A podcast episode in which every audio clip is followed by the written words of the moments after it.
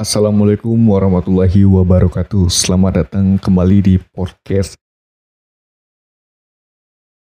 Kabau Sirah, episode 37.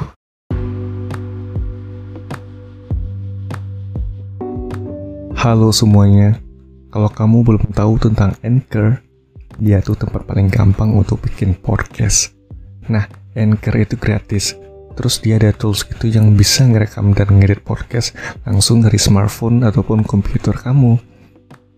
Nanti Anchor bakal distribution podcast kamu ke Spotify. Dan yang terakhir, kamu juga bisa ngasilin duit dari podcast tanpa pendengar minimum. Semua yang kamu butuhin ada di Anchor. Download aplikasi Anchor secara gratis atau buka anchor.fm untuk memulai.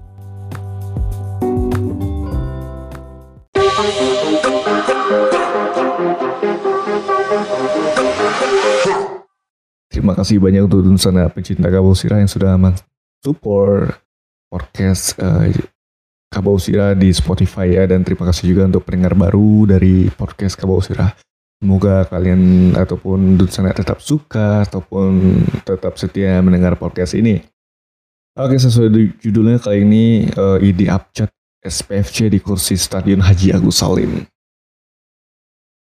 Seperti yang Dunsana tahu, di Stadion Haji Agus Salim di Padang, Sumatera Barat, markas dari Kabau Sirah, terdapat abjad tulisan SP dan FC di bagian tribun barat Stadion Haji Agus Salim. Dan kalau dilihat dari kejauh, kejauhan cukup menarik ya, karena memang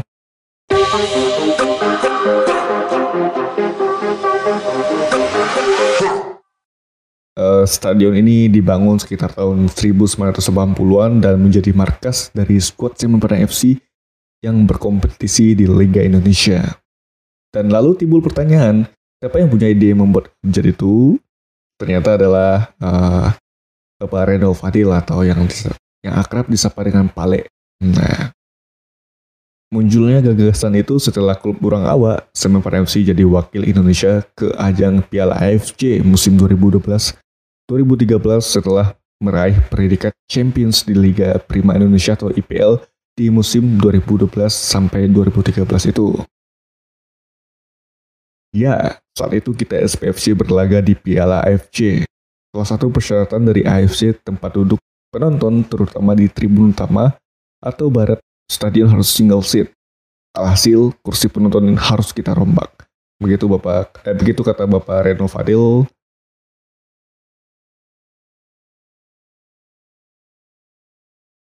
Setelah dilakukan perombakan dengan memasang kursi single seat, muncullah ide Bapak Reno Fadil bersama Bapak Aidri dan pampel lainnya gitu. Kursi single seat bagian sisi kanannya dengan warna merah dan abjad SP dipasang kursi warna kuning. Bagian kiri dipasang kursi warna kuning dan abjad SP eh sorry abjad FC dipasang kursi warna merah. Alhasil abjad SP dan FC menambah keindahan tribun utama itu. Ide pemasangan kursi dengan abjad SP dan FC ini memang dari saya bersama Maete Edri, sapaan Bapak Edri ya. Alhamdulillah stadion ini lolos verifikasi AFC dan bisa jadi markas kita. Tutur Pale atau sapaan akrab dari Bapak Reno Fadli. Selain persyaratan kursi single seat, standar persyaratan lainnya juga dibenahi dan dilengkapi panpel bersama manajemen tim soal stadion itu. Alhamdulillah berkat dukungan semua pihak dan kerja keras kita semua, Stadion Haji Agus Salim bisa sebagai markas SPFC menjamut tamunya di Piala AFC musim 2012 sampai 2013 lalu itu. Lalu bagaimana perjalanan di Piala AFC? Nah, skuad SPFC saat itu dibesut pelatih oleh Bapak Jeffrey Sastra dengan Direktur Teknik Haji Bapak Suhatman Imam sedangkan CEO-nya adalah Bapak Haji Rizal Anwar. Status juara Indonesia dan sebagai wakil merah putih,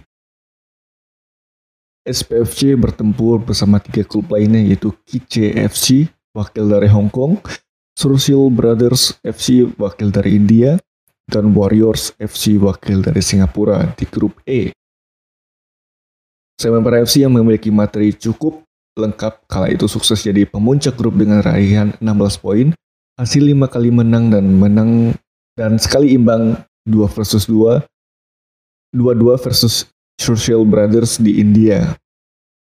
Predikat juara grup E di fase penyisian grup itu menempatkan Hengki Ardiles CS lolos ke 16 besar bertemu juara Vietnam SHB Danang. Di babak itu SPFC menang 2-1 dan memastikan tiket ke perempat final. Pada fase knockout, 16 besar itu bersua wakil India lainnya East Bengal dengan sistem home and away. Laga pertama SPFC berstatus tandang pada 17 September 2013 Hasilnya, Semarang FC kalah 1-0 atas tuan rumah.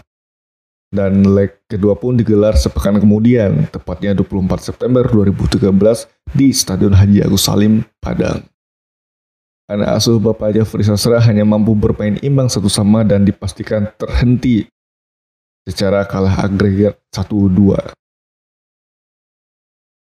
Itu artinya itu artinya perjalanan Hengki Ardiles dan kawan-kawan hanya sampai perempat final Piala AFC musim 2012 sampai 2013 tersebut. Amunisi yang dimiliki Kabo waktu itu adalah di posisi penjaga gawang ada Chandiaga Putra dan Fakhrul Razi Kuba.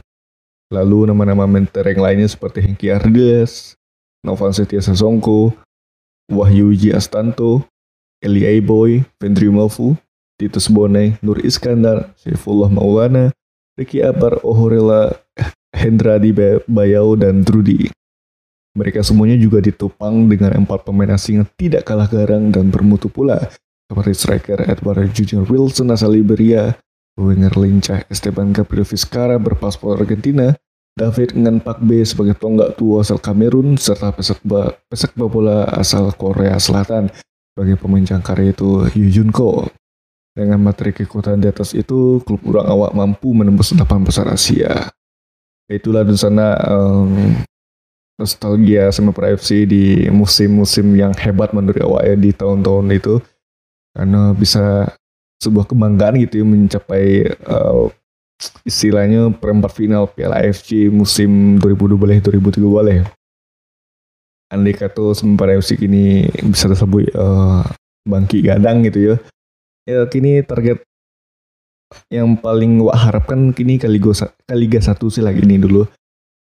Dan jika Allah konsisten di Liga 1 dua atau tiga musim gitu ya di tahun berikutnya ya target utamanya tentu bisa tembus uh, bisa menembus lagi itu melebihi dari perempat final AFC kalau bisa juara Piala AFC kan ngeri juga tuh gitu.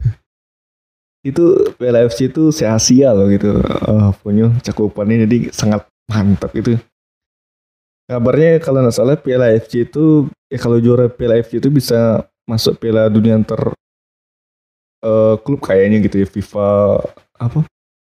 FIFA World Cup klub gitu ya ya pokoknya gitulah FIFA World Club nah, apa lah itu gitu apalah namanya gitu ya pokoknya aku jadi bahasa Minang sih sorry jadi ke bawah bahasa Minang pokoknya gitu kalau Semper FC bisa konsisten ya tentu target terdekat adalah promosi ke Liga 1 gitu.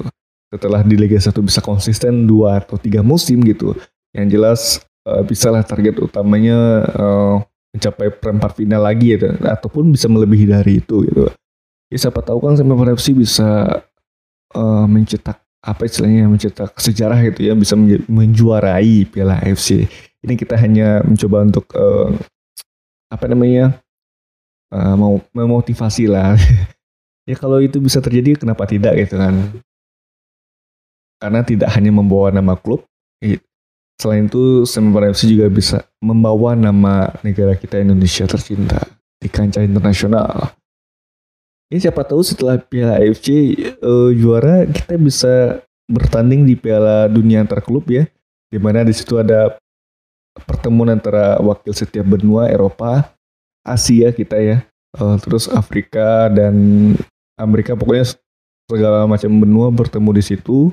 Yang jelasnya dari benua Eropa tentu lawan yang paling berat ya karena itu adalah uh, istilahnya uh, lawan yang paling mentereng gitu ya, bukan dianggap enteng lah gitu. Secara kan kalau hitung-hitungan klub yang bisa dibilang terbaik itu memang berasal dari uh, benua Eropa ya gitu ya. Bukan berarti benua benua lain tidak bisa di, dianggap enteng gitu. Semuanya lawan yang hebat lah intinya gitu.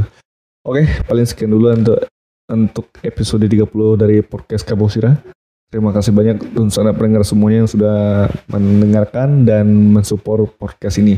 Oh iya jangan lupa juga untuk follow podcast Kabosira di Spotify karena nantinya akan ada episode-episode terbaru yang akan membahas semen pada FC dan tentu kita eh, tentu gue akan mereview juga setiap pertandingan dari Semen FC baik itu di Liga 2 nantinya yang mungkin akan berjalan di awal tahun ini 2021 ataupun ya nantilah kita lihat ya gitu ya. Nah, gue bakal nge-review, eh gue bakal nge-preview dan mereview pertandingan setiap pertandingannya gitu. Oke, insya Allah ya teman-teman ya. Nah, mohon maaf jika ada kekurangan dan salah kata dalam podcast ini. Gue akhiri dulu. Wassalamualaikum warahmatullahi wabarakatuh.